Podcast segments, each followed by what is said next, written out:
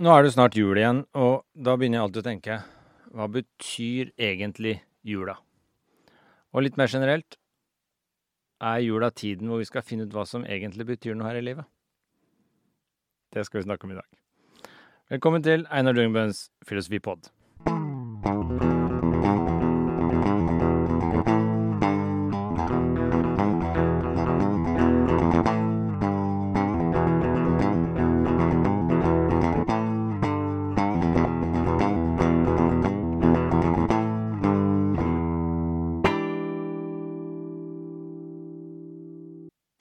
Dag har jeg med meg god kollega og venn Bjarne Markussen. Velkommen. Gleder du deg? Ja, det gjør jeg. Vi skal snakke om en av mine favorittbøker, nemlig Charles Dickens' A Christmas Carol. Den liker vel du òg? Veldig. Eh, før du sier litt hvem det er, det var faktisk du som satte meg på den boka her i sin tid.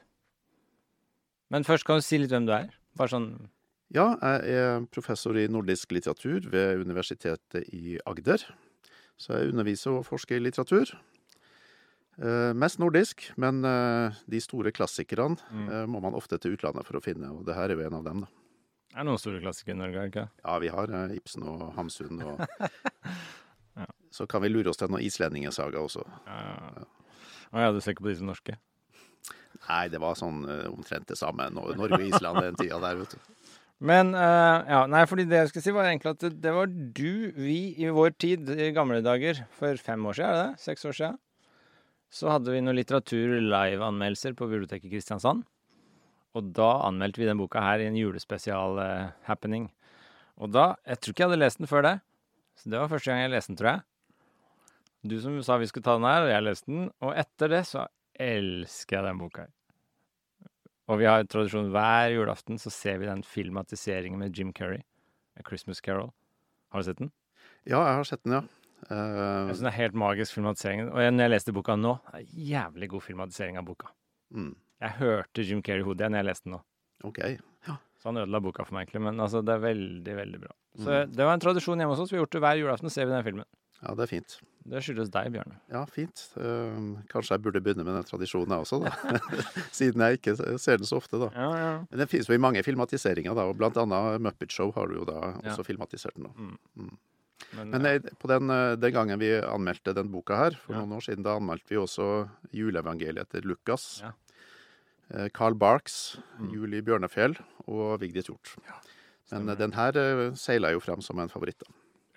Den gjorde det. Og da husker jeg du fortalte meg at den første fortellingen Onkel Skrue, den du nevnte nå, av Carl Barks, den er jo inspirert av det her. Mm. Så, så han heter jo Max Scrooge, Ja. som er Etter Ebenezer Scrooge, som er hovedpersonen i boka her. Så Charles Dickens, et julekvad fra 1843, er det det? Det er riktig.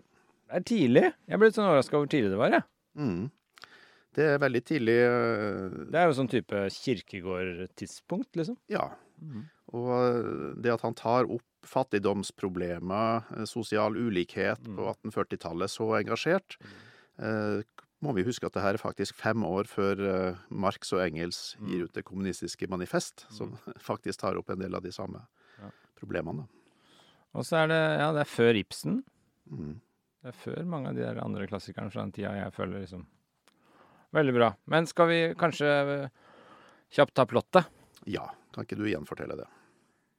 Så nå blir jeg stressa. Jeg sitter her foran en litteraturprofessor og skal få gjenfortelle plottet i en klassiker. Men dette er Charles Dickens, et julekvad på norsk. Det er vel en norsk oversettelse som heter En julefortelling òg, det ikke det? Ja. Christmas Carol på engelsk. Den er opprinnelig skrevet på britisk, ikke sant? Mm. Og det handler om Scrooge. Eh, denne gamle, sure gjerrigknarken som har surna helt eh, og hater alt og alle. eh, og syns alle er idioter. Og så dør kollegaen hans. Og han har vel vært død i noen år, faktisk, når fortellingen begynner. Og så, Han døde på julaften. Men denne jula her, som det handler om, så kommer det tre gjenferder og hjemsøker Scrooge om natta. Og den ene fra fortiden og forteller han og viser han livet hans sånn det har vært. Og den ene fra nåtiden som viser livet hans sånn det er. Og den tredje fra fremtiden som viser mulighetene for hvordan det kan bli. Og så får han litt panikk, og så blir han omvendt. Og så blir han en utrolig hyggelig og blid og koselig fyr til slutt. Ja. Det er i det hovedsak plottet? plottet. Ja. Ja. Det er ekstrem makeover. Ja. Ja. Karakterforandring. Veldig. Total karakterforandring. Mm. Um, men vi får jo også da glimt tilbake i historia som har vist at han har jo ikke alltid vært den derre karrige, knegne, grådige, griske fyren. Ja. Han har uh, en barndom og en ungdom uh, der han uh, åpna seg for både livet og litteraturen og kjærligheten, men det har på et eller annet tidspunkt eh, gått feil da, med han. Og det er jo det han innser etter hvert, og etter hvert så innser han jo også hvor mye han har tapt på, på å um, kapsle seg inn i sin egen Ja. ja, bedrift. da. For det vi får eh, glimt av gjennom de spøkel... eh, er det ånder eller spøkelser? Hva er det egentlig? Ja, Det oversettes med spøkelse her, vel, men det er jo en slags ånd, da. Ja. Ja. Og så foregår det litt i drømme, og det er litt uklart om det er drømme eller virkelighet. Men det er vel ganske virkelig, er det ikke det? Ja, jeg tror det. Det her er en sånn type um, moderne visjonsdiktning, egentlig. Ja. Eh, visjonsdiktninga er jo en gammel sjanger fra middelalderen, egentlig. Og her i Norge så har vi jo eh, kvadom Olav Osteson, som sovner på julaften og våkner opp på 13. dags jul, etter å ha vært en reise reisende i skjærsilden og, og sett litt av helvete og himmelen. Og det er jo litt av det samme som, eh, som skjer med Mm. Scrooge her. Han uh, får innblikk i en verden som er skjult uh, for alle andre. For det du får innblikk i gjennom disse spøkelsene, er vel sakte, men sikkert hvordan han surna. Ikke sant? Det begynte jo ganske bra, men så var han ensom, og så mista han kjærligheten, og så dro dama fra han for han ble for opptatt av penger, og så surna han sakte, men sikkert. Og så nå er det liksom oppgjørets time, for nå begynner han å bli gammel. Ja. Og så begynner han å se tilbake, og så ser han liksom egentlig hva var det som gikk galt. Og så innser han at eh, han har surna. Ja, han ble jo hjemsøkt, så å si. Det er jo ikke på eg av egen fri vilje at han på en måte søker tilbake i sin fortid. Han blir hjemsøkt av fortida. Ja, Um, og det der syns jeg er ganske interessant, at før, uansett hvor mye du prøver å fortrenge fortida, så kommer den tilbake igjen. Og det viser at den har prega deg, og du, du må på en måte innkapsle den Mm. litt mer bevisst i deg sjøl. Så det her er jo eh, Du sa det her var tidlig 1843. og Det er også ganske mange år før Freud ja, ja sa at og, eh, Mm. barnet er mannens far. jeg satt og tenkte på Freud underveis. Ja. For det som skjer her, er jo at han går tilbake og ser Altså, han forklarer sin nåværende tilstand med har- hva som har skjedd før. Så det er jo veldig psykoanalytisk preg over det her, egentlig. ja, veldig. Du går tilbake, ser enkelte hendelser, og så forstår du det som skjer nå, og hvordan du er i lys av de gamle hendelsene. Så det er jo klassisk psykoanalytisk. er veldig tidlig, tidlig ute. Um, Det er også sånn Ibsen driver, ikke sant? Ibsen driver med det samme, ikke sant? men etter Charles Dickens. Mm. Så Charles Dickens er en eh, pioner sånn psykologisk forskning, da. Tror du Ibsen har lest Dickens? Ja, det tror jeg helt sikkert. Han hadde jo tilgang til ganske mye bibliotekting i Grimstad og Ja, og Dickens var jo veldig Han var jo på en måte nesten rockestjerne Mm. i den tida, så han ble veldig mye lest. Og Dickens sine bøker har aldri vært ute av salg. Er det sant? Ja, det har vært trykt opp kontinuerlig siden de, de, De andre, tingene, ja, de andre tingene jeg har lest, så er det jo, så jeg kjente igjen her òg, det er sånn Karakterene blir veldig levende. Han har en sånn evne til å beskrive hva som skjer, og karakterer og sånn, så de bare kommer til live i papiret. Og det er jo ikke alle som får til. Nei, det er jo en helt sånn nesten unik evne som Dickens har, da. Ja. At han har den der enorme bildeskapende krafta. At han maner frem situasjoner og scener så levende for oss, da. At, Ja. det, at vi blir nesten sånn Vi, vi rives, dras inn i fortellinga. Ja. Men det gjør han jo også med å invitere leseren inn, for han henvender seg jo direkte til leseren også, da, av og til. Hvem er det som er fortellerstemmen her? Det var litt uklart for meg. Ja, det er også litt merkelig fortellerstemme, for den er tilsynelatende en helt sånn utenforstående tredjepersonsforteller, men så viser det seg at et jeg, en jeg-forteller, men det er en jeg-forteller som ikke er med i historia sjøl. Det virker som det er noen som har uh, hørt om denne her personen, Mm. Uh, som, som da har levd litt tilbake i tid, da. Og det er liksom mektig fortellerteknikk. Det er altså, nå skal jeg fortelle deg en historie. Mm. Jeg var ikke med i historien, men jeg har hørt at det Og så får du historien. Det er liksom sladremektig. Ja. Uh, og det foregår her. Ja. Så det syns jeg var litt gøy, da. Ja, og av og til så Det som slo meg, da, var at um, Hvordan kan det være at vi, får, vi kommer så tett inn på historia? Vi Mm. drar sånn med, vi er nesten til stede og ser det hele. Nesten som en sånn eh, ånd sjøl, da. Ja, du lukter og hører og sanser, og det blir veldig sanselig. Ja. Vi er veldig til stede. Og samtidig så er det jo en sånn episk distanse, da. Mm. Men noe tror jeg av grepet her, det er at han bruker så mye dialog. Ja. At med en gang eh, vi får dialogen inn, så er vi her og nå og til stede. Jo, men det er noe med, med dialogen han gjør det. Det er så levende, og det er så muntlig og For du kan jo ganske keitete dialoger uten at jeg føler meg til stede. Ja, de her er veldig troverdige, Ja. de dialogene her. ja. Ja, du, du, du stopper ikke opp og tenker at det her var litt uh, Nei, det er ikke noe som er sånn Nei, kleint, liksom. Det glir Nei. utrolig flott. Og dette er jo liksom stor kunst. Liksom. Hvis du ser sånn malerkunsten, så er det de store maleriene er jo de som på en måte kommer til live. Mm. Uh, den store musikken er den som på en måte bare skjærer tvers gjennom alt. Og det skjer jo her i den teksten her. Det er Dickens, liksom. Det er bare, karakteren bare kommer til live gjennom teksten. Mm. Eh, det er ikke noe sånn der eh, distanse mellom betrakteren og kunstverket, egentlig. Innholdet, da. Mm. Um, det var en eh, kollega av meg som sa det at Dickens sine skurkepersoner er mye mer utbrodert, faktisk, Ja. enn helteskikkelsene. De, de kan være litt flate. Men uh, the bad guys, de blir virkelig utmalt og kommer ordentlig til livet, faktisk. Så Scrooge her blir jo absolutt den mest levende personen, da. Men er han skurken? Han er jo en omvendt synder, da. Ja. Vi, til slutt så blir vi Vi liker jo omvendte syndere, da. Men litt mer før du Jeg har lyst til å spørre deg, sånn, siden du er litteraturviter, og så sånn hva slags type sjanger eller bok og sånn det her er. Men først bare sånn for at lytterne også skal være med litt. Altså, det er jo noen karakterer her som er veldig sentrale. Det er Scrooge, denne surna gamle gubben som omvender seg mm. på julaften og blir glad og livsglad igjen. Vi kan snakke mer om det etterpå, akkurat den omvendelsen. Men så er det jo en annen karakter som er veldig viktig, er jo Bob. Han som jobber hos han. Mm. Fordi Scrooge er jo rik og sur, Ja. mens Bob han er fattig og blid. Ja. altså det du sitter igjen med, er litt sånn Jeg tror det sies en gang også. altså Han sier 'Hvorfor er du så sur når du er så rik?' Så sier han 'Hvorfor er du så glad når du er så fattig?'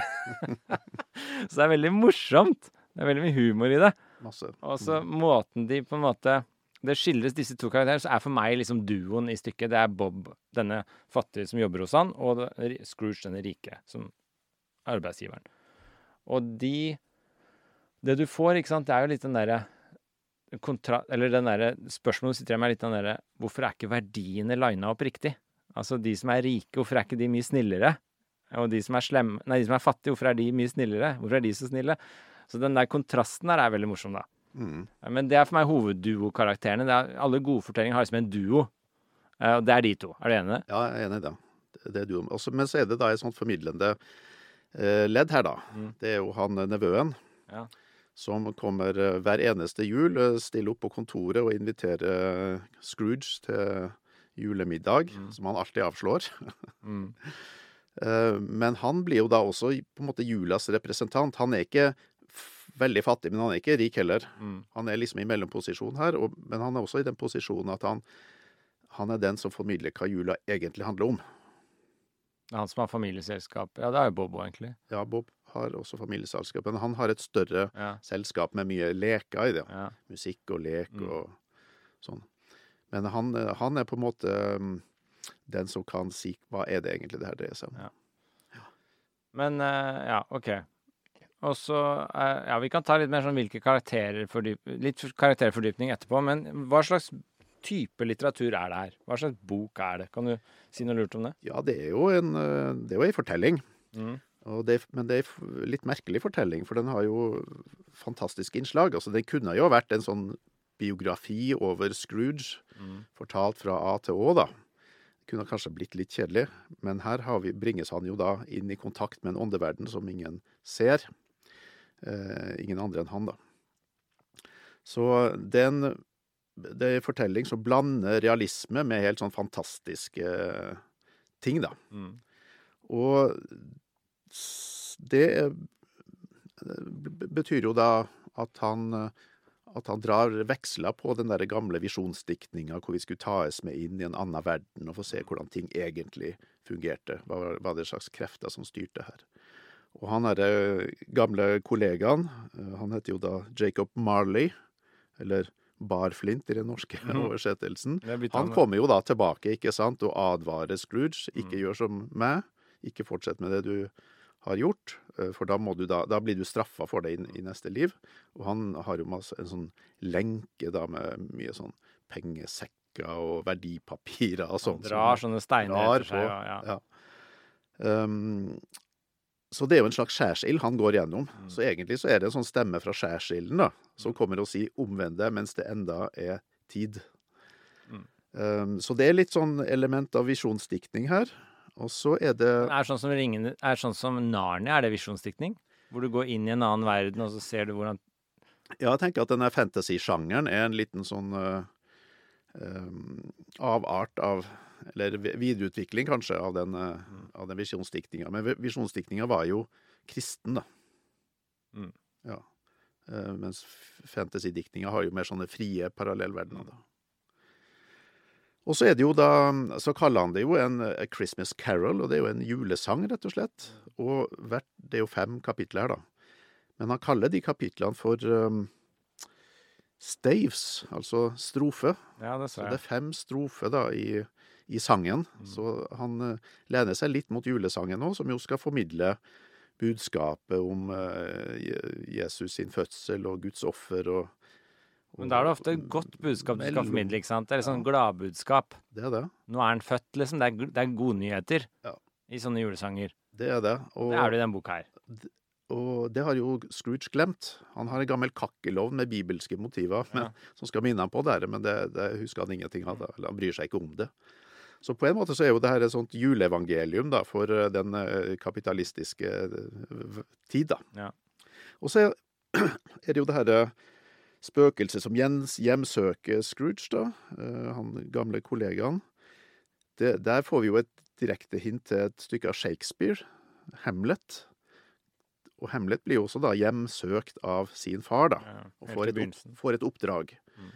Så det er ei fortelling som drar litt på julesangen, det drar litt på visjonsfortellinga, det drar litt på tragedien. Og, eller så ender det jo Det kunne vært en tragedie, for at han eh, Det er en mann som har forspilt sitt liv. Mm. Men så øh, skjer det jo da denne omvendinga, så det ender jo bra.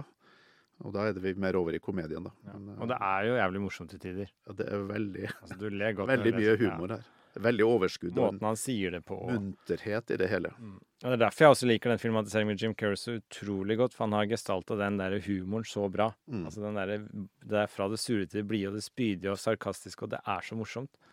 Så han er perfekt skuespiller til den rollen som Scrooge. Mm. Så det, men så er det noe med den munterheten også. Mm. Altså den, altså den, han er så humoristisk og munter at vi Det som han hever seg over alle menneskets eh, Dickens, mener nå? Dickens, ja, Ja. bekymringer og strev. Vi ser det hele liksom i fugleperspektiv, hvordan Mm. de små menneskene strever med sitt, sitt og sine liv. Og samtidig så er det jo et sånt kjempeengasjement for de fattige, for de syke. Eh, En sånn engasjert protest mot den sosiale ulikheten. Så det er en sånn engasjert munterhet. Det er veldig sånn empatisk forståelse av de forskjellige situasjonene. Ja. Han har liksom satt seg inn i det og skjønt hvordan de faktisk har det. Mm. Det syns jeg er litt sånn imponerende her også. Men det gjelder jo ikke bare for fattige, det gjelder jo Scrooge òg. Han har liksom en empatisk forståelse av den rike, sure gubben, hvorfor han har surna. Mm. Og du får en forklaring, egentlig. Gjennom barndommen og opp gjennom oppveksten og fokuset hans på liksom at han ble mer og mer opptatt av penga. Og du får en slags forklaring om hva som har gått gærent. Ja. Så, så jeg, jeg, jeg er veldig imponert over det empatiske emnet til Dickens ja, i skrivinga hans. At han går i de, alle karakterenes sko, liksom. Ja, det er jeg helt enig i. Og han går også høyt og lavt i samfunnet. Mm. Eh, vi, vi, han skildrer de rike, de mellomrike, de eh, som har det eh, trangt, og han skildrer også sjøfolk, gruvearbeidere. I andre bøker, tenker du på. Eh, nei, altså her, her vi får et lite glimt av i gatene og sånn. eh, i gata, Ja, ja. og denne ånden Mm. eh, for dagens jul tar han Ja. jo også med en tur ut på havet, og vi får møte, se liksom hvordan sjøfolkene Mm. har det julaften. Og selv de tenker jo på sine nærmeste på land, da. Mm. Så han har empati og innlevelse med alle slags mennesker. Mm. Og det er jo noe av det som kjennetegner de store dikterne. Ja, ja. En, ja, ja, ja. Jeg tenkte bare Hvilke av karakterene Altså, vi kan en ting, Bare si en ting før jeg glemmer det. Hvorfor jeg liker han Bob så godt. Fordi han Bob er jo denne fattig glade, ikke sant? Mm. Og så er, det er et par sånne småbeskrivelser. Han er så glad at uh, han sitrer i kroppen. Og så glipper han, så han roper sånn hurra plutselig midt når han ikke skal rope hurra. og sånn. Han har sånne, nesten sånn tics, Ja. for han er så glad. så, så han får ikke ut energien sin nok. Og så har han lagt sånn lokk på alt ikke sant, for å dempe seg rundt han Scrooge og sånn. Så er han liksom sånn det, det er i filmen også, så ser du de glimta at han spiller sånn derre Altså Med en gang han forlater butikken som han jobber sammen med han surpumpen, så, så begynner han å løpe og hoppe og er sånn glad. Det er veldig morsomt. Jeg synes Bob er liksom den morsomste karakteren av jeg, da. Ja. Ja. Og, og hele den familien blir jo veldig fint skildra. Ja. Um, vi får jo en helt sånn fenomenal skildring av denne julemiddagen de har hjemme, hvor, hvor kona har da eh, stått over gryta når barna er med og lager te, og de har for lite mat. Ja. Men ingen vil nevne det med et ord. Det ville vært fullstendig uanstendig. Og Puddingen kommer, så er det flotteste puddingen noen gang, og så er den litt liten. det er bare Hun har brukt litt lite mjøl. Ja. Og han, han eh, Bob der, Mm. Cratchit, han eh, mener vel at det her er høydepunktet i ekteskapet, den der puddingen som Ja, han sier jo at. Dette er høydepunktet i ekteskapet så langt. Det er veldig morsomt. Så det er helt fenomenal og rørende skildring. Og så blir den jo også veldig rørende fordi at de har jo den her gutten, gutten, eh, Tiny Tim, Mm. eh, som er da eh, Ja, hva er det egentlig som feiler han? Altså, han har en eh, Ja, han kalles en krøpling. Eh, Det er noe med, med beina og bevegeligheten. Han går på krykke, i hvert fall. Mm. Så eh, Og så Og det at hans liv står i fare fordi han er så syk, det skaper jo en sånn veldig rørende Mm. og litt sånn melodramatisk bunn til hele skildringa av den familien. da. Jeg satt og tenkte på noe av det vi sa i stad, at det er jo veldig empatisk fra, de, fra alles perspektiv her. Men hvis du tenker etter, er det kanskje den dypeste empatien er jo for Scrooge. Hvorfor folk surner. Ja. Altså det, er denne, det er jo Scrooge han går mest inn i psykologien til. Han Bob er jo egentlig bare litt glad. ja Han er- er litt enkel. det er akkurat sånn at de, Han er bare glad og enkel, han. det- Men Scrooge er mye mer komplisert. ja, de edle karakterene blir litt endimensjonale. Ja, det var det du sa i stad, ja. Sjarmerende endimensjonale, men eh, mens de som er litt mer komplekse og skurkeaktige, de blir mer interessante. Ja. For han går så dypt inn i, eh, inn i den psykologien, som du sier, da. Og den Vi får jo glimt, da. Tilbakeskuende glimt av barnet, det forlatte skolebarnet. Scrooge som sitter Han er blitt forstøtt av sin egen far. Det er ganske brutalt. Ja. Han får ikke komme hjem til jul. Mm. Må sitte alene i skolehuset. Og så leser han om Alibaba og Robinson Crusoe, og det er hans selskap som barn, fordi han er forstøtt av venner og familie, eller av faren, da, før han da får, får komme hjem. Så vi får veldig sympati Mm. med, med den unge Scrooge, da. Ja. Og så det det er noen sånne scener som er helt hjerteskjærende, egentlig. Altså den der med faren og når søstera kommer, nå får du endelig lov til å komme hjem og sånn når han er på tenåra. mm, Den, men også den hvor han får seg en kjæreste som eh, de blir, når de begge er fattige, blir forelska. mm, Og så blir han flinkere og flinkere med penger, eller i hvert fall mer og mer opptatt av det. Og så til slutt så går hun fra han fordi han er blitt en annen enn den hun ble sammen med. mm. Og da sier hun noe sånt som at eh, hvis vi hadde møttes i dag, ville du valgt meg da? Og da blir hun svar skyldig, ikke sant? For han er, nå han, bare- nå har han skifta helt interesser. Nå er han bare opptatt av det klingende mynten. Og da går hun fra han og setter han fri som den nye han er blitt, egentlig. Mm. Og det er noe sånn, det er ganske hjerteskjærende, syns jeg, akkurat den scenen også, når hun går fra han. Ja, den er det. Og samtidig så er det hun som forklarer oss eh, lesere, da, Ja. hva har gått galt, egentlig. Mm, Så det er et, eh, han på en måte svikter kjærligheten for, eh, for tjenesten, mm. for pengene. Og det avdekker hun, hun avslører det, og da går hun. Mm. Og så blir det jo ikke mindre hjerteskjærende da i neste episode vi får se hvordan hun har fått en lykkelig familie. Eh, og hvordan mannen kommer hjem og ser at nå har jeg sett han der Scrooge gjennom vinduet. Nå har jeg hørt at han kollegaen døde. da. Mm.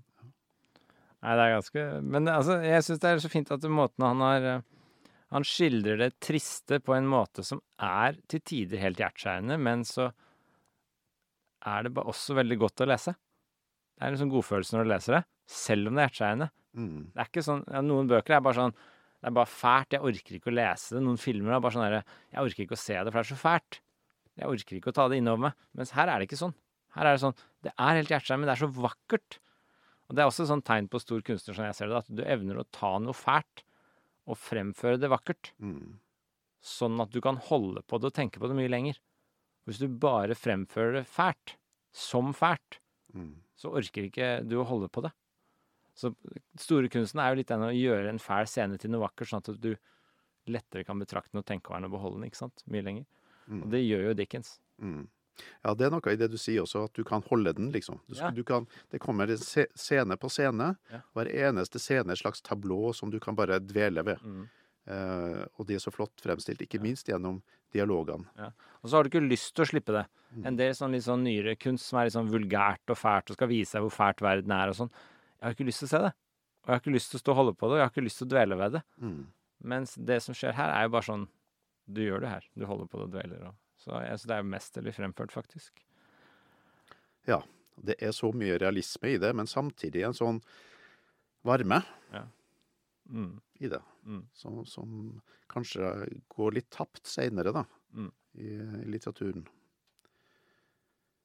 Ja, Men, eh, alt blir vulgært, Kan liksom. ikke du lese den, eh, den scenen, da? Hvilken scene? Fra der hun slår opp? Denne Husker du? forloveden. Ja, husker du hvor det var?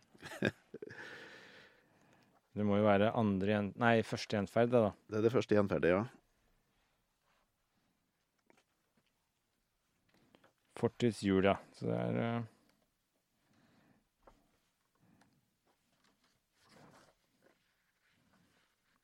Det er jo også veldig sånn Her står det et, eh, Han begynner å se sitt tidligere jeg, og så sier han liksom Så ser han på seg sitt tidligere jeg som barn, så sier han 'stakkars gutt'. Ikke sant? Sa han i medynk med sitt fordoms jeg, 'stakkars gutt', og gråt på ny. ja. Altså det er ganske sånn Han ser Altså Ikke sant? Jeg skal prøve å finne det greiene du sa, men bare før jeg glemmer det. Altså karakteren i sånne store fortellinger sant? Når karakteren må gjennom en forandring på en eller annen måte, Mm. skal det skje noe. Og det som skjer her, er jo at han begynner Forandringen begynner å komme ved at han går inn i seg selv og ser tilbake. Han konfronteres med sin egen barndom. Ja. Men også sin Ja, men også nåtiden og alt, da. Mm. At han går inn i seg selv. Det er da han eh, kan omvendes. Og det ligger mye filosofi i det. ikke sant? Altså at eh, du kan egentlig ikke gå gjennom en seriøs forandring før du går inn i deg selv og erkjenner hvem du er først. Ja. Det er litt den gamle 'kjenn deg selv'. Du må først komme frem til hvem du er, og ta den innsikten innover deg. Så kan du kanskje forandre deg. Mm. Det det- jo Og det viser jo også Dickens med noen sånne eh, gjennomgangsmotiver. For i begynnelsen så avviser han jo både de som skal samle inn penger til de fattige, han avviser nevøen, og han avviser denne gutten som kommer på døra for å synge en Christmas Carol, da. Mm. Og så, etter første ånd har vært der, så begynner han å tenke på at han skulle kanskje reagert annerledes Mm. på de personene. Og i slutten av boka så omsetter han den innsikten til handling. Han gir penger til en fattig gutt som skal gjøre han en tjeneste. Han aksepterer middagsinvitasjonen, og han eh, donerer da penger Mm.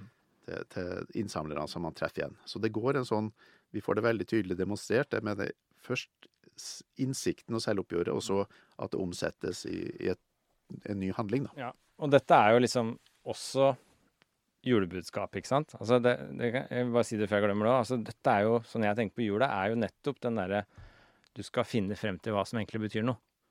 Det er, jule, det er juletida Poenget med jula er at du skal liksom finne tilbake til de gode verdiene. De, og det er det som foregår her. Mm. At han finner tilbake til den han egentlig innerst inne ønsker å være. Han har bare gått seg bort. Og jeg har en sånn liten sånn teori jeg kunne lufte for deg, kanskje, som er proff. Det er at eh, alle gode fortellinger handler egentlig bare om å finne tilbake til seg selv. Om å finne hjem i Gåstein. Der du egentlig er, og den du egentlig er. Så du ser på Odysseen, for eksempel. Hele fortellingen handler bare om å komme seg hjem igjen. Ser du på juleevangeliet.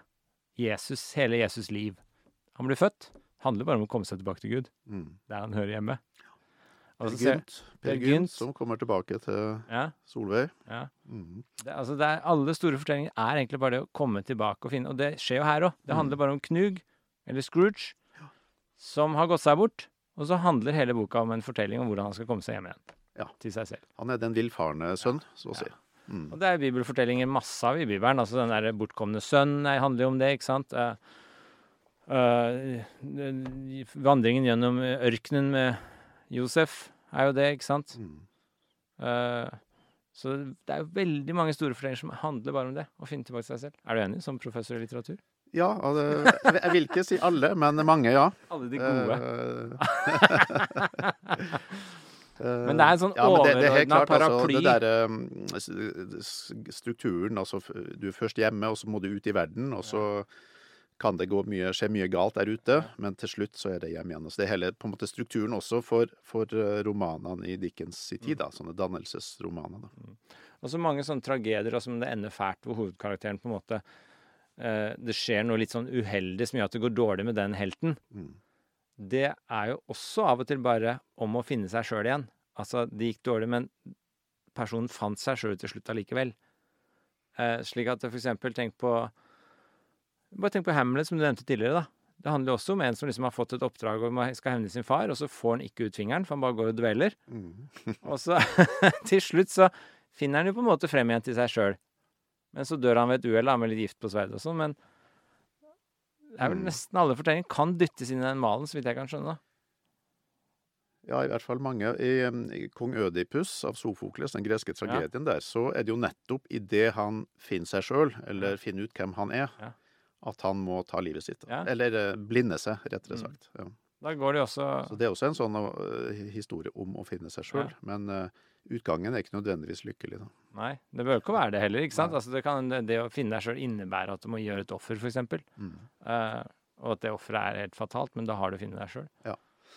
Men så, og sånn er det jo i hvert fall her Knug uh, finner tilbake til barnet i seg sjøl. Ja. Mm. Og vi har jo da sett hvordan han var som barn. Mm. Veldig fantasifull fyr, faktisk. Uh, til, til og med de her figurene han leser om i bøker, de, de, de, de, de dukker opp, liksom. Mm.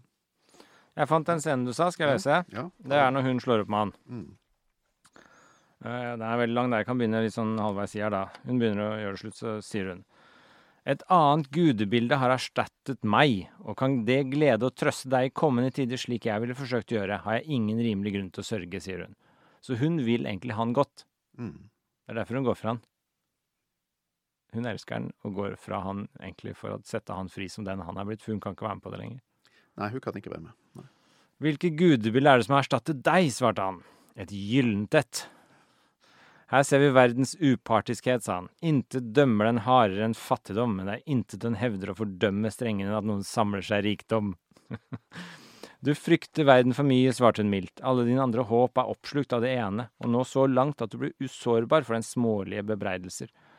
Alle edlere ønsker har jeg sett falle til siden, ett etter ett, inntil du helt er underlagt din overmektige lidenskap, gevinst. Er det ikke riktig? Om så var, svarte han.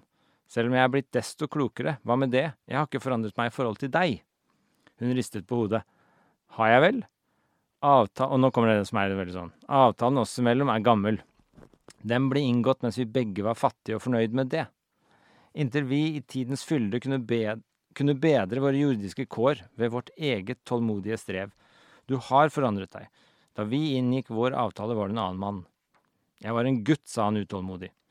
Dine egne følelser forteller deg at du var noe annet enn du er, svarte hun. Det er ikke jeg.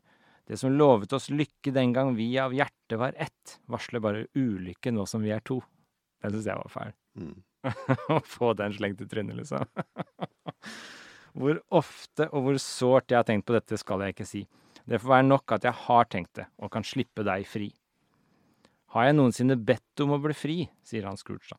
Ikke med ord. Aldri. Med hva da? Med en forandret natur, med et forandret sinn, med en annen atmosfære i ditt liv, et annet håp som dets endelige mål. Med alt som ga min kjærlighet noen verdi eller valør i dine øyne. Om vi aldri hadde hatt dette mellom oss, sa piken og så på ham, mildt, men fast. Si meg, ville du oppsøkt meg og forsøkt å vinne meg nå? Å nei. Fælt. Ja, det er en eh, fantastisk dialog, det der. Hennes analyse er jo veldig skarp. Mm. Og én ting som hun sier der, er jo at eh, du frykter verden for mye.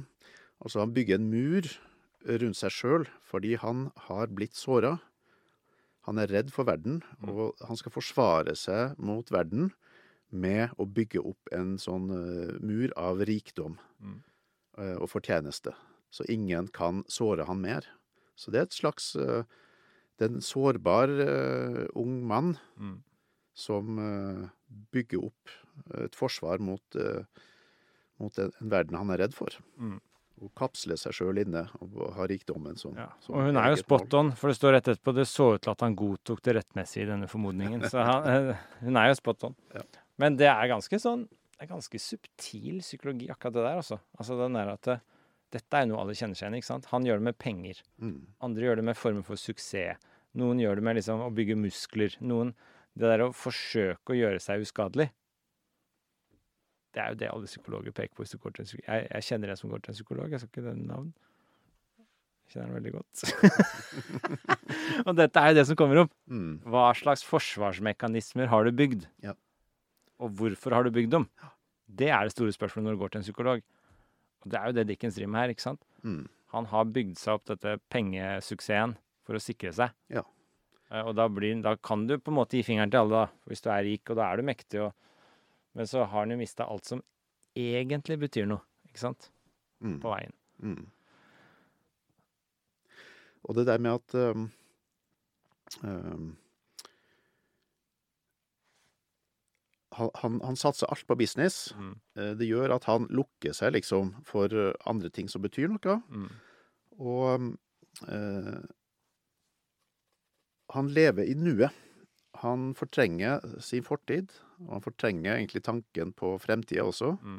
Han lever her og nå, og han lever med sin business, og han vil ikke forstyrres av fattige barn og sånne ting. De kan bare havne i fengsel, sier han. Eller eh, sånn. Men da er det da at den herre eh, spøkelset Marley, da, eller Bar Barflint på norsk, Mm. kommer da eh, og, og stiller spørsmålet hva er egentlig vår business her i verden? Kan jeg lese litt her? Ja. Um, han eh, Barflint her, han eh, Marley, er jo da eh, blir jo da straffa i en slags skjærsild, og han sleper rundt på sine egne pengesekker. Og så sier eh, sier da Scrooge ja, men du var jo en av de beste hodene i din business. Eller næring på norsk, da.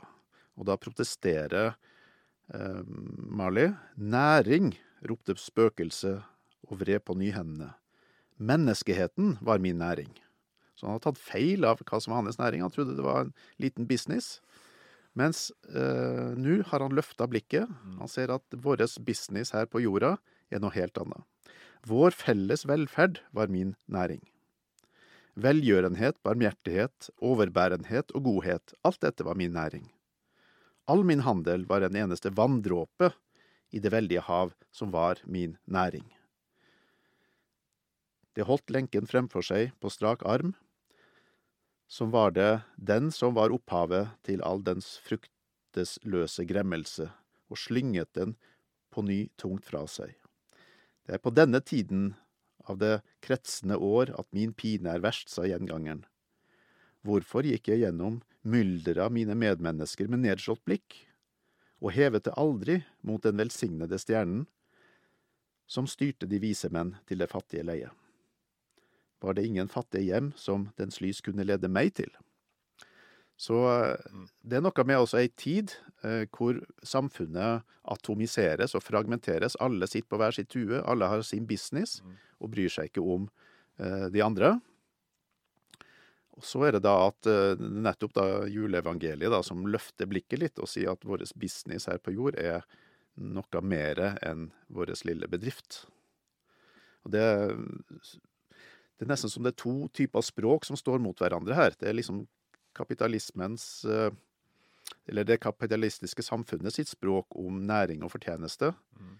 mot et sånt eh, kristent humanistisk språk om, eh, om å ta vare på hverandre og se hverandre som, som reisefeller på vei mot graven, som det står.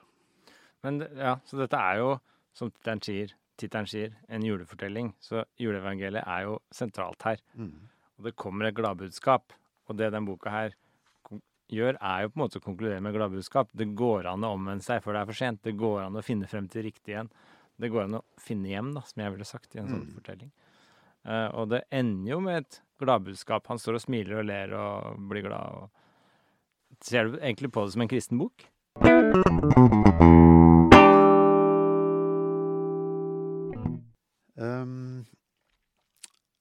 Det er i hvert fall en bok som uh, allierer seg med, med juleevangeliet Mm. og den kristne fortellinga uh, om, uh, om uh, medmenneskelighet, altså nestekjærlighet, Mm. helt klart.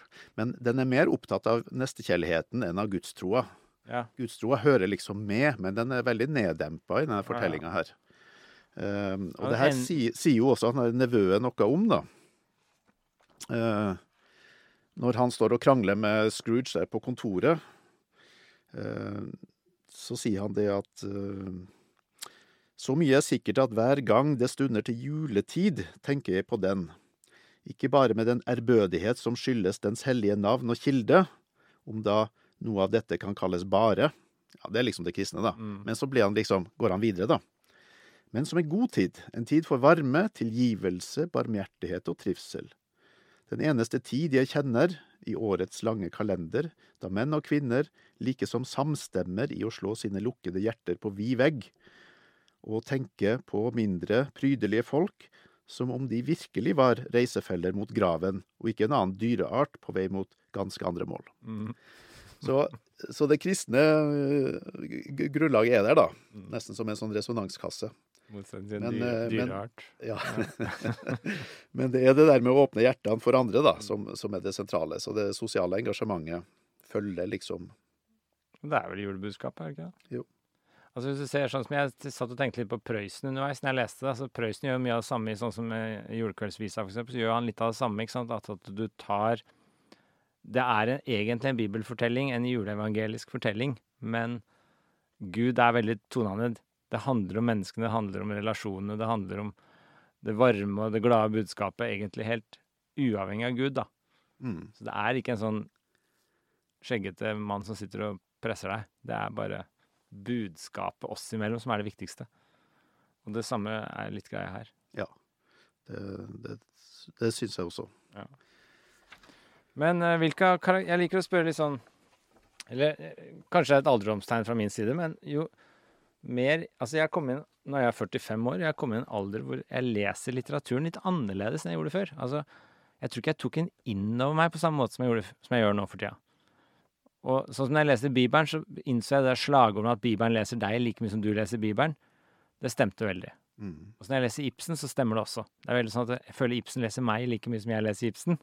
mm, og det betyr vel at man har på en måte internalisert litterat det man leser på en annen måte enn, man, eh, enn jeg gjorde før. Og det samme skjer litt her.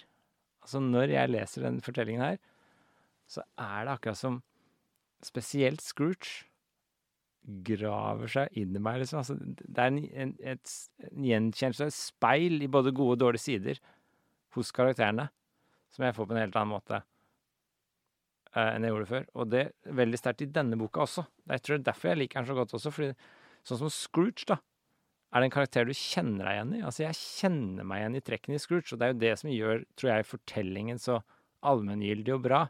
Altså, når vi leser den i dag, så får du ikke en, sitter ikke og tenker at denne er skrevet i 1843. Når jeg leser den nå, så sitter jeg at kunne vært skrevet i dag. mm. Egentlig så er det, jeg, Du tenker ikke på at den er arkaisk eller gammeldags, eller Den treffer helt riktig akkurat i dag også. Og det er jo som mesterverk, ikke sant. Altså, da har du heva deg over tidsånden og tiden din og gjør noe universelt ut av det. Og jeg tror Scrooge er litt sånn arketype som på en måte mange kjenner seg igjen i. Eh, og den, i den grad jeg har surna som gubbe, liksom, så er det jo Scroogen i meg som har Jeg tror ikke jeg er gjerrig, men jeg tror den derre den der litt sånn irritasjon på at alle er idioter og du orker ikke og det er liksom, Den føler man mer og mer når man blir litt eldre, tror jeg. Mm. Eh, Eller er det ikke sånn med deg? Hva tenker du? Jo, jeg, jeg satt Er det mye Scrooge i deg? Ja, det, det må jeg bare innrømme at det er litt Scrooge i meg også. Ja. Eh, Så jeg føler meg litt sånn avkledd når jeg, når jeg leser den historien, og det er jo også derfor den er så viktig å, å lese, da. Ja. Eh, på en måte å erkjenne sin, sin, sine Scrooge-sider, da. Men noe av det som slo meg eh, da jeg leste eh, om Scrooge sitt møte med seg sjøl som barn, var at han fikk sånn medynk med seg sjøl. Og jeg tenker det at noe av den derre tilhardninga da, som skjer etter hvert, gjør også at vi blir mer streng med vårt barn. Mm. Altså med, med den vi var som barn. Mm. Eh, at vi misliker oss sjøl en del som barn. Ja. Det vi var. Men at vi også kan løse opp det der og, og bli litt mer snill mot Mm. mot det barnet vi en gang var. Og da tror jeg vi kan bli litt mindre eh, streng også med oss sjøl og andre. Så du tenker Scrooge var mild, han mildna opp. Han tinte jo opp når han så Det er det sjøl. første som gjør at Scrooge begynner å mildne opp Ja. og få erkjennelse, det at han ser seg sjøl som barn, og, og faktisk gråter, da, som du, Ja, du er siterte sa her, ikke sant? barn'. Ja. Stakkars barn, og, og begynner å gråte. Mm.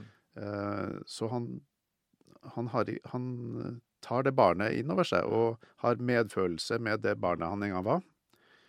Og da begynner den der mentale opptidninga hans, da. Mm. Og det tenker jeg at eh, det, det tror jeg også psykologer uh, ville ha sagt. Mm. Er du, nå snill mot, mot barnet som du en gang var? Trenger ikke være så streng med deg sjøl. Uff, nå føler jeg vi Jeg er ikke Nei, men, snill. ja, men det, jeg er streng med meg sjøl, veldig Jeg er ikke snill med barnet er, Nå ble jeg enda mer dyp, Scrooge. dyp Ja. psykologi, det her, tror jeg faktisk. Har du opp med barnet i deg? Hva? Er du mild mot barnet ditt? Altså ikke barna dine, men deg som barn. Jeg, jeg har vært veldig streng mot barnet i meg sjøl, jeg, altså. Men uh, jeg tror at jeg har eh, begynt å gi litt mer slekt, da. Ja. Ja. Ja, for det er noe med det derre jeg, jeg vet ikke. Og så Altså, hvis man skal se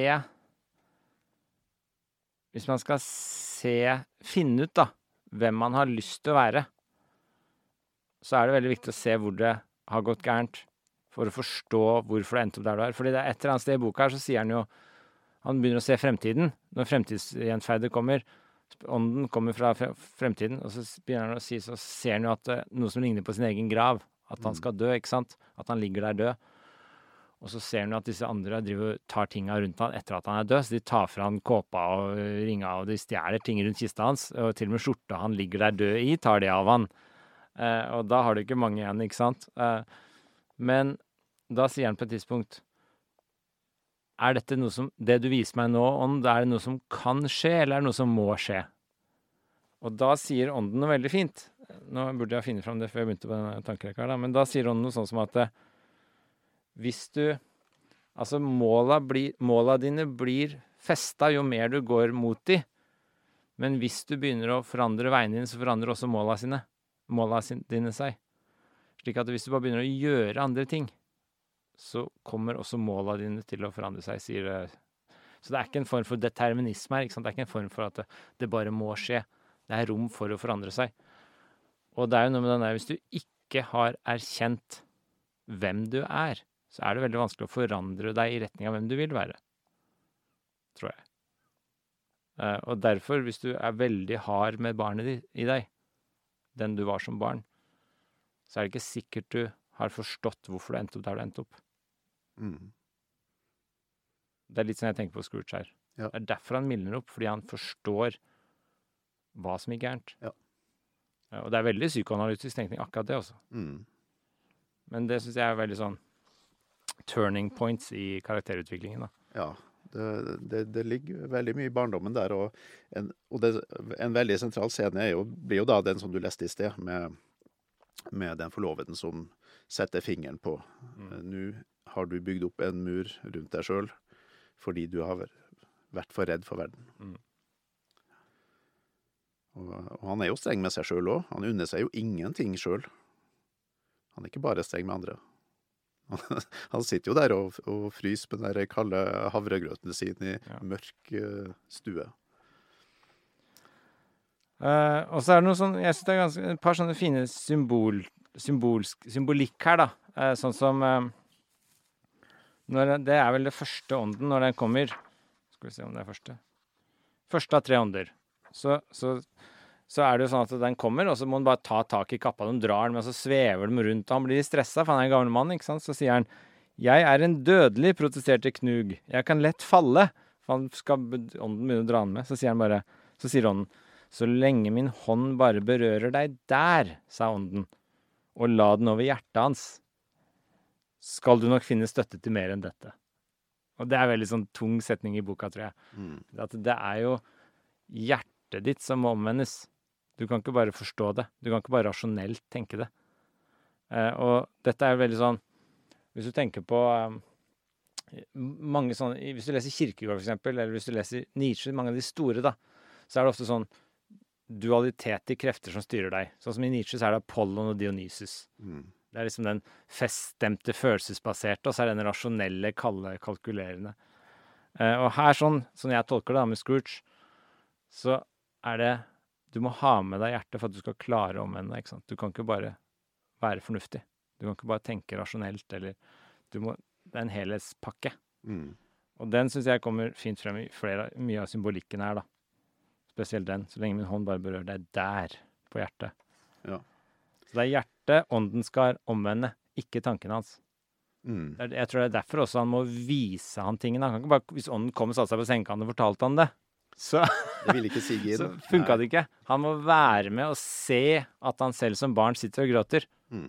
Så det er en dypere erkjennelse av at du faktisk må gjenoppleve det, på en måte. Ja. Uh, og det er jo veldig sånn kjent fra mye sånn stor kunst også, at det at du må, du må gjenkjenne noe på et litt dypere plan. Du kan ikke bare liksom høre om det. Uh, og det er vel det som ligger i det her, da. At Mm. han må være med disse åndene rundt og se. Han Mm. må se seg sjøl faktisk under det likelakenet. Og, og ha den eh, medfølelsen Eh, Så når, når han får medfølelse med seg sjøl, så begynner han også å få medfølelse med andre. Ja. Så det er noe med det at eh, du kan ikke bare ha medfølelse på ett, på ett punkt. Den, den, den må spre seg, liksom. Er det litt sånn at du kjenner de andre på deg selv, eller? Ja, kanskje hvis du kan ta inn over deg den smerten du hadde da, altså i den her barndomsscenen, da, så kan han også ta inn over seg smerten til, til han kontoristen. Mm. Um, så, og, og, og den fattige familien, og det, ikke minst den sønnen. Han, han blir jo helt fortvilt over tanke på at denne lille sønnen kan dø. Mm. Og det ender jo da med at han blir en annen, en annen far, da. Mm. Eh, og han har jo ikke barn sjøl, så han blir sånn reservepappa for den der eh, Tiny Tim, da, Ja, det er vel det det ender med. på slutten der. Mm. Um, men så tenker jeg også på det at, at når de her um, Når de har på en måte gjennomlevd det her litt i hjertet, da, så er det veldig mye sånn energi som frigjøres. Altså ba barnet i det blomstrer Mm. Ja, ja. opp, liksom. Og eh, det er veldig artig å lese om den julefeiringa her, Ja. som var, jo da var under oppblomstring på 1800-tallet, da, på, på Dickens' tid. Ja. Eh, at den er fylt av så mye lek. Eh, det som skjer i selskapene, Mm. det er ikke først og fremst eh, utveksling av gaver. Vi hører ingenting om gaver, faktisk. Nei. Men vi hører om eh, mat, eh, dans og lek. Alle liksom frigjør barnet i seg, da. Og det er et sånn voldsomt overskudd eh, i, den her, eh, i de feiringene, og, men også ute i gatene, gatelivet der. Og eh, kan jeg ta en sånn scene fra, bare fra skildring av gatelivet? Ja.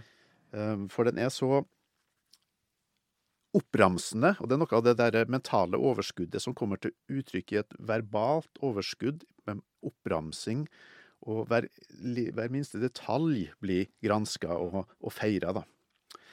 Eh, Selv om det er sånn eh, klimatisk sett er jo ganske kaldt og surt og dystert, så er det et sånn mentalt overskudd som nærmest smitter over på hele miljøet, da. Det står for eksempel da at, eh, om gata her at det var ingenting særlig muntert ved verken klimaet eller byen, og allikevel lå der en munterhet i luften, som den skjæreste sommerdag og lyseste sommersol skulle hatt møye med å spre. For menneskene som skyflet i vei på hustakene var lystige og blide, kauket til hverandre fra brystningene, utvekslet nå og da en spøkefull sneball, langt bedre skyts enn mang en ordrik spøk, og lo hjertelig om den traff, og ikke mindre hjertelig om den traff feil. Fjærfebutikkene holdt fortsatt halvåpent, og fruktbutikkene strålte i sin fulle glans. Tykke, runde, hengemagede kastanjekurver. Av form som vestene på trivelige eldre herrer, hang ved dørene eller flommet ut i gatene i apoplektisk overflod. Rødmussede, brunfjesede, bredbakede spanske løk skinte i sin fedme som spanske munker blunket fra hyllene i lidderlig underfundighet etter pikene som gikk forbi. Så her er det til og med frukten som henger, da. Mm. Den, eh, den kikker på, på jenta som går forbi her. Men du skjønner at han Et over, overskudd i alt som lever. Ja. Du skjønner at Dickens er en observatør, ikke sant? Han ser mye rundt seg når han går i gatene, han også. Får med seg alt her. Men jeg tenker på sånn som Dette er jo litt sånn som når hjert, som du sa, når hjertet omvendes. Som med, ikke bare som du tenker det, men du faktisk føler det. Så er det jo litt sånn som å bli forelska, er det ikke det? Altså når man blir forelska, så blir alt litt annerledes. Alt får litt andre farger. Alt får litt annet fokus enn hvis du f.eks. akkurat har blitt dumpa. Da er det alt litt annet fokus, litt annen farge. Og det er jo litt sånn at det former hvordan du ser ting, og det er jo det som skjer når hjertet omvendes her også. Altså når Scrooge får med seg hjertet, så ser han ting helt annerledes. Mm. Jeg tror det er derfor han må være med å se, og det er derfor det ikke hjelper å bare rasjonelt tenke det. Eh, så når han, når han liksom plutselig blir glad på slutten, for eksempel, så sier han sånne ting som Han kommer denne fattige ungen, så sier han 'For et nydelig barn'. Mm. Ikke sant? altså Før i begynnelsen av boka så var det et forferdelig barn som skulle bli satt på barnehjem. og det er akkurat samme unge, egentlig. Men Mm. hans hjerte er omvendt, og da ser han ting med helt andre briller. Mm. Og det er jo Ja, det syns jeg er ganske artig, faktisk. Men jeg hadde en ting jeg hadde lyst til å lese her. Mm. På side For å vise den radikale forandringen han går gjennom, da. Dette er i begynnelsen, når han er ordentlig sur. Som jeg syns er veldig morsomt, da. Når vi liksom kjenner oss igjen som litt sånn sure gubber i, knu, i Knug, så er det liksom Her sier han blant annet, da Uh, Han kaller julen for humbug. Humbug. Ja. Hva sier du på norsk? Humbug? Humbug. Humbug. Og så sier han uh, nevøen hans Det var ikke der du leste det, nei. Så sier nevøen hans Ikke vær så bisk, ikke vær bisk, onkel, sa nevøen. Hva skulle jeg ellers være, svarte onkelen, når jeg lever i en verden full av idioter. gledelig jul til Bloksberg med gledelig jul. Hva annet er din jul enn tiden for å betale dine regninger uten penger? For å se at du er blitt ett år eldre og ikke en time rikere? For å balansere dine regnskaper og spore hver post gjennom samtlige årets måneder, hver især en anklage? Hadde jeg fått viljen min, sa Knug forbittret, skulle enhver idiot som går rundt med gledelig jul på leppene, bli kokt med sin egen julepudding og siden begravet med kristen- kristtornsplint gjennom hjertet. Det skulle han. da er det bitter, da. da. Da har du på en måte Da ser du verden med et par briller som bare Alt er sånn. Og så, det er det jeg syns er morsomt med hele boka, at han begynner med sånt blikk på alt. Mm. Og så har ingenting egentlig i verden eller utenfor Knug forandra seg i løpet av boka. Men han har gått inn i seg selv, erkjent seg selv. Også på slutten, når den hjerteomvendingen har skjedd, så opplever han jo verden helt annerledes. Da er han som nyforelska. Da er alltid litt lysere farger og alt han legger merke til. alt. Så sier han for eksempel Så sier han her Han går rundt i huset sitt, han våkner etter det tredje gjenferdet. Så går han rundt, og så har han våkna, så ser han jo alltid huset sitt helt annerledes. Han ser dørhanken som så utrolig flott. Det hadde han aldri lagt merke til engang før den dørhanken. Uh, og så sier han uh, Så roper han ut til en gutt, for eksempel. Han løp til vinduet, åpnet og stakk hodet ut. Ingen tåke, ingen dis, klar, ren, innbydende, rørig kulde og alt bare flott, ikke sant? Mm. Og så sier han 'Hvilken dag er det i dag?' ropte Knud, Knug ned til en gutt i søndagstøy, som kanskje hadde sneket seg inn for å titte på ham. 'Hæ', sa gutten, overveldet av undring. 'Hvilken dag er det, min fine venn?' gjentok Knug. og nå er, det liksom, nå er det ikke kristtornet gjennom hjertet lenger, nå er det en fin liten unge som han bare går forbi. I dag, svarte gutten, det er da juledagen, vet jeg, det er juledag, sa Knug til seg selv, så gikk jeg ikke glipp av den. Eh, det er kla eh, de kan få alt, eh, Så sier han ånden har utført sitt verk på den eneste natt. De kan få alt de vil. Selvsagt kan de det. Det er klart de kan. Hallo, det er min fine venn. Hallo selv, svarte gutten. Og så bare fortsetter han sånn, og så sier han eh, Vet du hvor fjærkrehandleren er? På hjørnet av gaten bortenfor, spurte Knug. Klart jeg vet, sa gutten. En intelligent gutt, sa Knug. En gutt å merke seg. Alt er positivt. Og det syns jeg er liksom det morsomste. Fra den der Alt er mørkegrått til liksom bare Hva er den positive fargen? Kjempelyst. Ja. Mm. Lysegrått? Nei. Farger. Det er masse farger. Og det er hjerteomvendingen, sånn jeg forstår det i Ja. boka. Og det er vel det som egentlig er julebudskapet, var det ikke? Jo, det tror jeg nok. Du er helt uenig. Hadde forstått. Um, det er jo veldig artig hvordan han får på en måte sine egne ord, da. Uh, at det er på en måte backlash, da. Ja.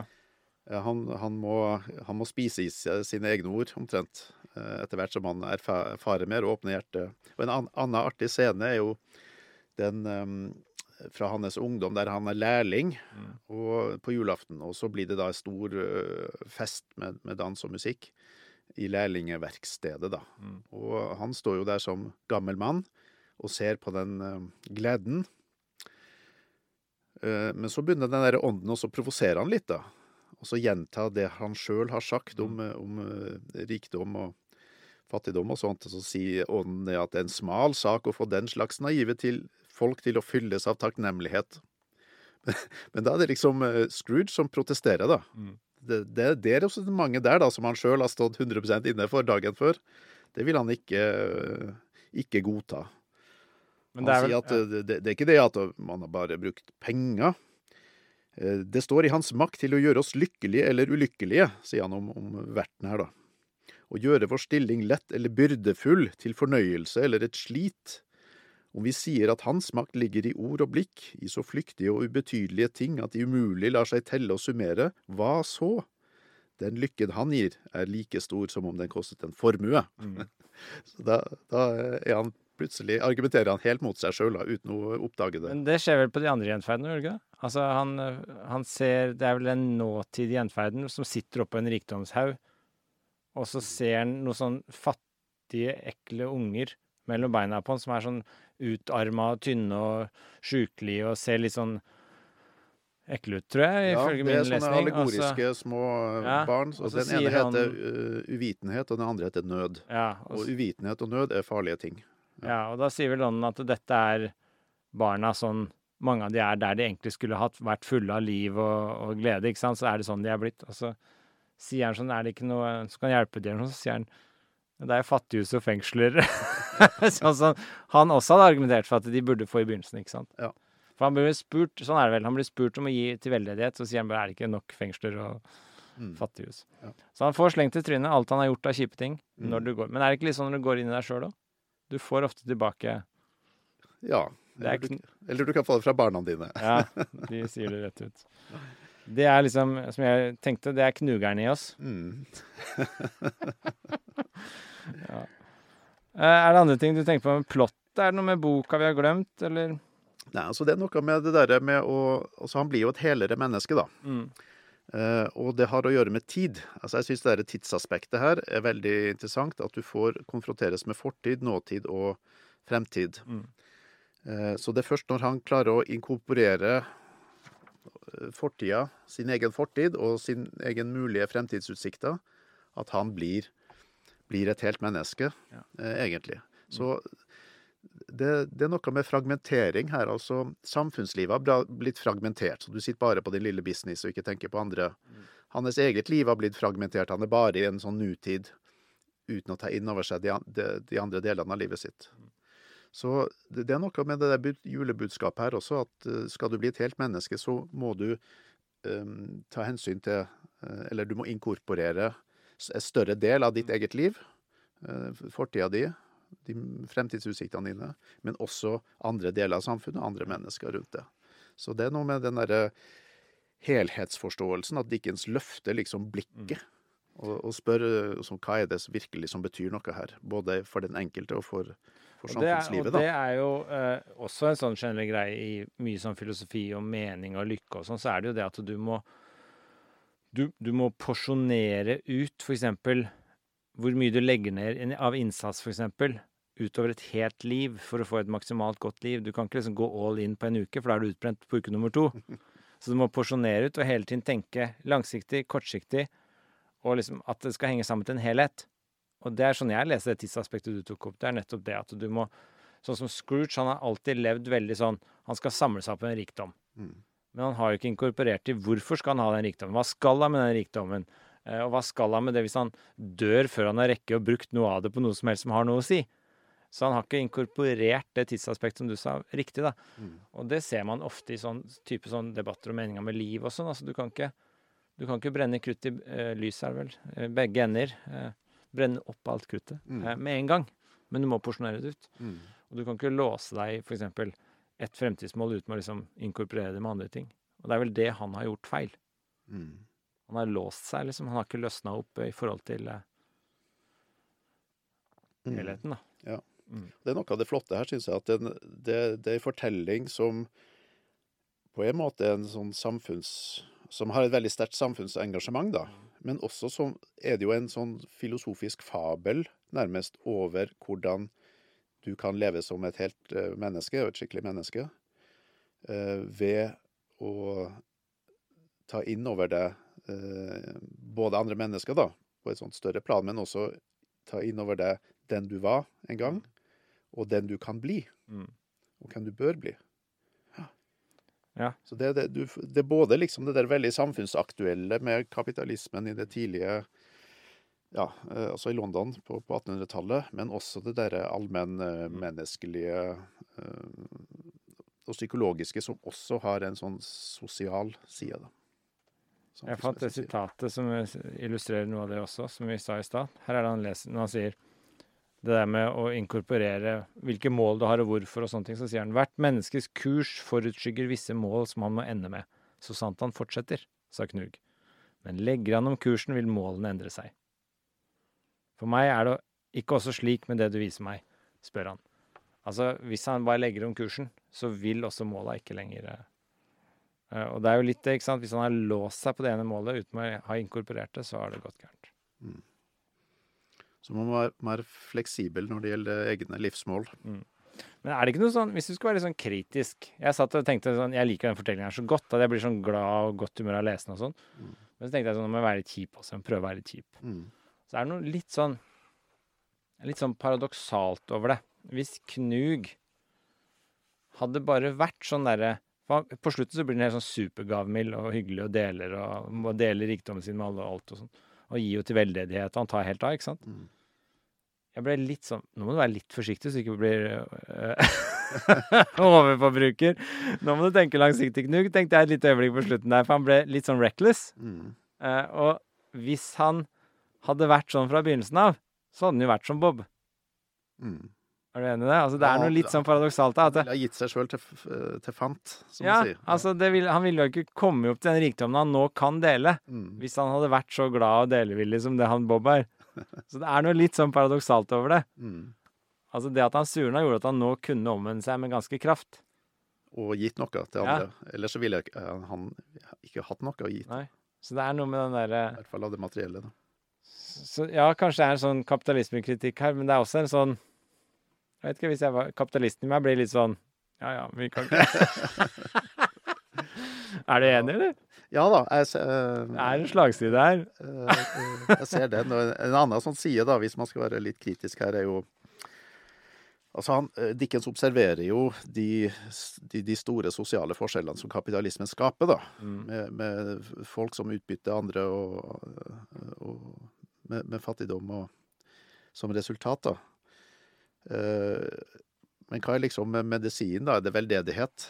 Mm. Tax Deductible Charity Organizations, som Bob Dylan synger. Altså, man kan kanskje tenke seg at eh, en sånn de rikes veldedighet ikke kan eh, på en måte reparere kapitalismens strukturer, da. Eller konsekvenser. Så det ender jo veldig fint med at han kjøper en stor kalkun, ikke sant, til kontoristen, da, så de skal ha mat på julaften. Men det hadde jo vært bedre om kontoristen hadde hatt eh, krav på høyere lønn, da. Så han kunne kjøpe de tingene sjøl. Eller fikk en dag fri til. Eller fikk Han en, har hadde, en, dag i hadde noen rettigheter om, eh, om fri. Han har bare én dag frihet Ja. hele året. Det ble mørkt her. hva- Så, men, eh, men det er jo også litt, litt vanskelig å kritisere Dickens for at han ikke er Karl Marx uh, fem år før, da. Ja. Men de observerer jo de samme, de samme problemene i samfunnet. Du har med deg Marx og Engels. Hvorfor har du det?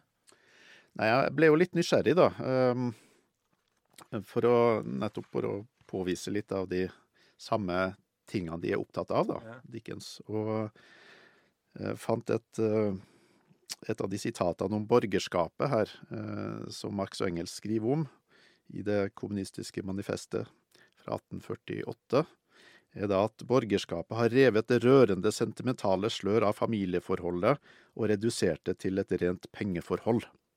Og det er jo akkurat det Scrooge har gjort, da. Ja. Han har redusert familieforhold til pengeforhold. Ja. Og klokelig nok så har da forloveden valgt, valgt, å gå fra han, da. Ja. Eh, Så de ser de samme tingene, men eh, de har noe helt eh, forskjellige Så han tenker egentlig bare løsninger. Så Scrooge har låst seg at han tenker bare tall, egentlig. Ja. Og ikke innhold. Ja. Men hva med eh, kjønnsrollen i boka her? Tenkte du over det? Ja, eh, på den ene sida så er det jo Man kan finne ting som er litt eh, gammeldags her. Han eh, kan utbytte òg disse fantastiske kvinnene som de gjør aldri noe halvt, liksom. De går all in Ja. når de først gjør noe, og han skildrer jo da hvor, hvor, hvor søt og flott de kan være, da. Mm. Men samtidig så er det jo da denne kvinneskikkelsen, den forloveden, som virkelig har det, mest intellektuelle, analytiske i hele boka, når, han, når hun eh, avdekker hva som har gått galt med, med Scrooge. Ja. Så vi får en veldig intellektuell eh, kvinneskikkelse frem her, som, eh, som jeg syns balanserer det inntrykket, da. Jeg tenkte på det litt på slutten her, at det, det er jo slik at eh, alle kvinnene i den boka her er veldig kloke. Og de har de rette verdiene. Det er Mm. de som samler hjemmet, det er de som lager puddingene, og det er de alle er liksom alt, alt samles egentlig rundt dem. Også mennene er jo litt sånn han Bob er ganske enkel. Kona hans er mye smartere. Hun kritiserer Scrooge eller Knug for at han er en gjerrigknark og ikke gjør mer, mens Bob unnskylder han. Mm. Ikke sant? Så mennene og han nevøen hans unnskylder han, mens kona hans kritiserer han. Så damene er jo kritiske til Scrooge. Ja. Eh, Mens mennene unnskylder Scrooge. Og så hva skjer med Scrooge? Jo, han omvendes jo i den feminine retningen til de damene, det de har sagt hele tiden. Mm. Så det som ligger mellom linjer, er egentlig at mennene må omvende seg til de mer feminine verdiene, ikke sant? Ja. Eh, Og det er jo, syns jeg er fin tanke, egentlig. Ja, for disse damene er jo veldig Altså, det er jo sentrumet av familien, da. Ja. Det, det som holder hele familien samla. Og det er den ekte Det er de verdiene vi skal finne i jula, ikke sant? Det er det han egentlig sier. Mm. Men der igjen er det jo noe litt paradoksalt. Hvis alle bare gikk hjemme og lagde pudding, så måtte hadde det jo heller ikke gått rundt. Så man må jo Man må jo dele det opp, ikke sant? Altså hvis alle bare delte alt de hadde, så hadde det heller ikke vært veldig verdiskapende. Nei, det hadde ikke vært det. Men jeg tenker meg at den her forloveden, da, som var så analytisk også, hun kunne ha gått inn i enhver business med, og gjort det godt, da. Jo, men hvis ikke da hadde hun blitt korrumpert av systemet og blitt som Scrooge, ikke sant? Kanskje. Du likte ikke den analysen. Jeg så du ble litt skeptisk nå. Men, ja, nei, jeg bare prøver å finne litt sånn paradoksale ting ved fortellingen. Ja. Nei, men uh... Men det er en veldig fin fortelling, det er vi enige om. Ja. Er det noe mer vi har glemt? Nei. Vi ehm, må runde av nå. ja, vi må runde av, men uh, må jo kanskje igjen da peke på det, et av de her øh, knepene. Altså, hvorfor blir vi så engasjert Mm. uh, i det? Og en av, en av de knepene til Dickens her er jo at han inviterer oss med inn i det her universet. Så vi får være så nær til stede på, på alle de scenene, da. Og av og til så, så snakker han jo direkte til leseren, da. F.eks. For eksempel når han skildrer eh, nevøen sin latter. Mm. Og så bare bryter han av, og så sier han til leseren Dersom du mot all sannsynlighet skulle slumpe til å kjenne en mann mer velsignet i sin latter enn Knugs nevø, ja, så kan jeg ikke si annet enn at ham skulle jeg også gjerne bli kjent med. Presenterer han for meg, så skal jeg sørge for å bli venner med han. Mm. Så, det, så da er vi liksom med i fortellinga. Eh, Vi, vi er tatt inn som samtalepartnere i det her. Det er noe av det som engasjerer oss også. Ok, har du noen favorittkarakter? Hvilke, du, hvilke identifiserer du deg mest med? Det er jo Scrooge som er den mest interessante her, syns jeg jo. Men er det den du identifiserer deg mest med? Ja, identifisere meg med, ja, til dels. Det, altså, jeg tror at uh, vi alle har en, en Scrooge i seg, og vi alle har den uh, barnet Scrooge i seg. Og alle har uh, muligheten til å endre seg. Knugeren i oss alle. Ja, knugeren i oss alle. Han heter jo Knug på norsk. Er, hva betyr det egentlig? Scrooge? Knug? Uh, Gjerrig, er det ikke det? Knug? Knugende? At du knuger på ting? Jeg vet ikke. En Knuge eller eh, knegen. Det er man gjerrig.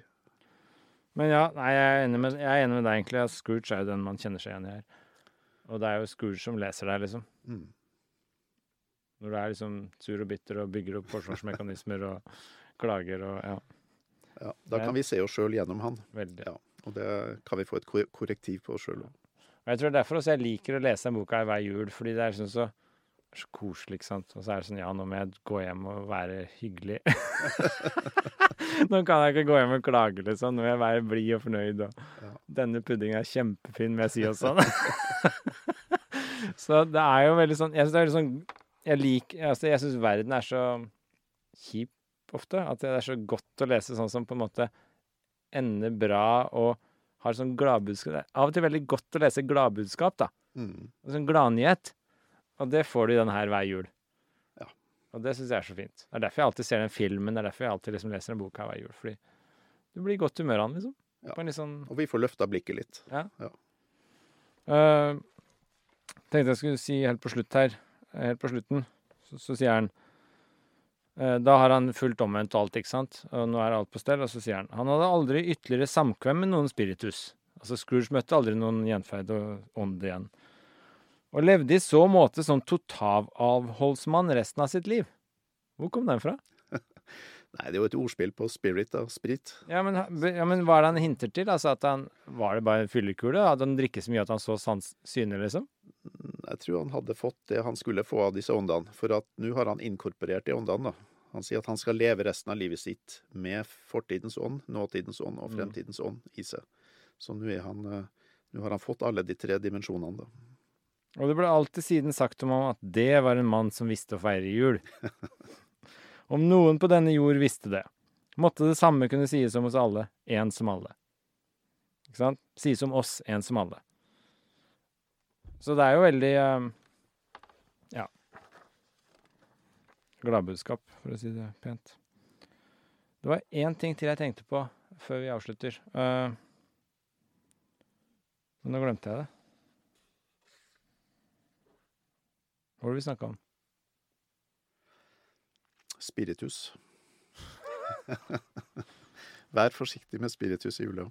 I hvert fall i den gale sorten. Nå kommer det til å irritere meg at jeg glemte det jeg skulle si nå etter at vi slår av.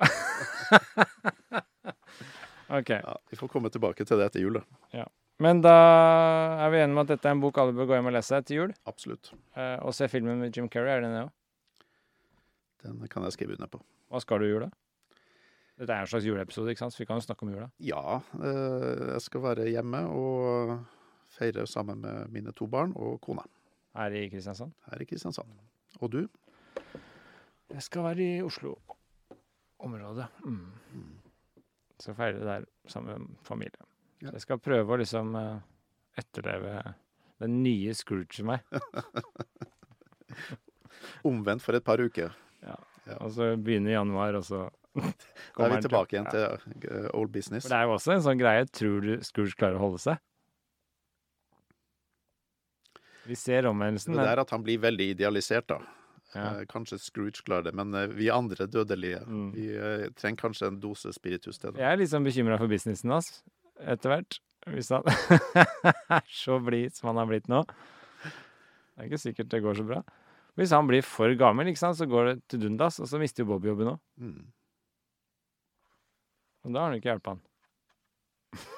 Jeg skal ikke pushe den for langt. OK, men det var veldig hyggelig, Bjørne. I like måte. Vi snakkes en annen gang. Det gjør vi det. God jul. I like måte. God jul.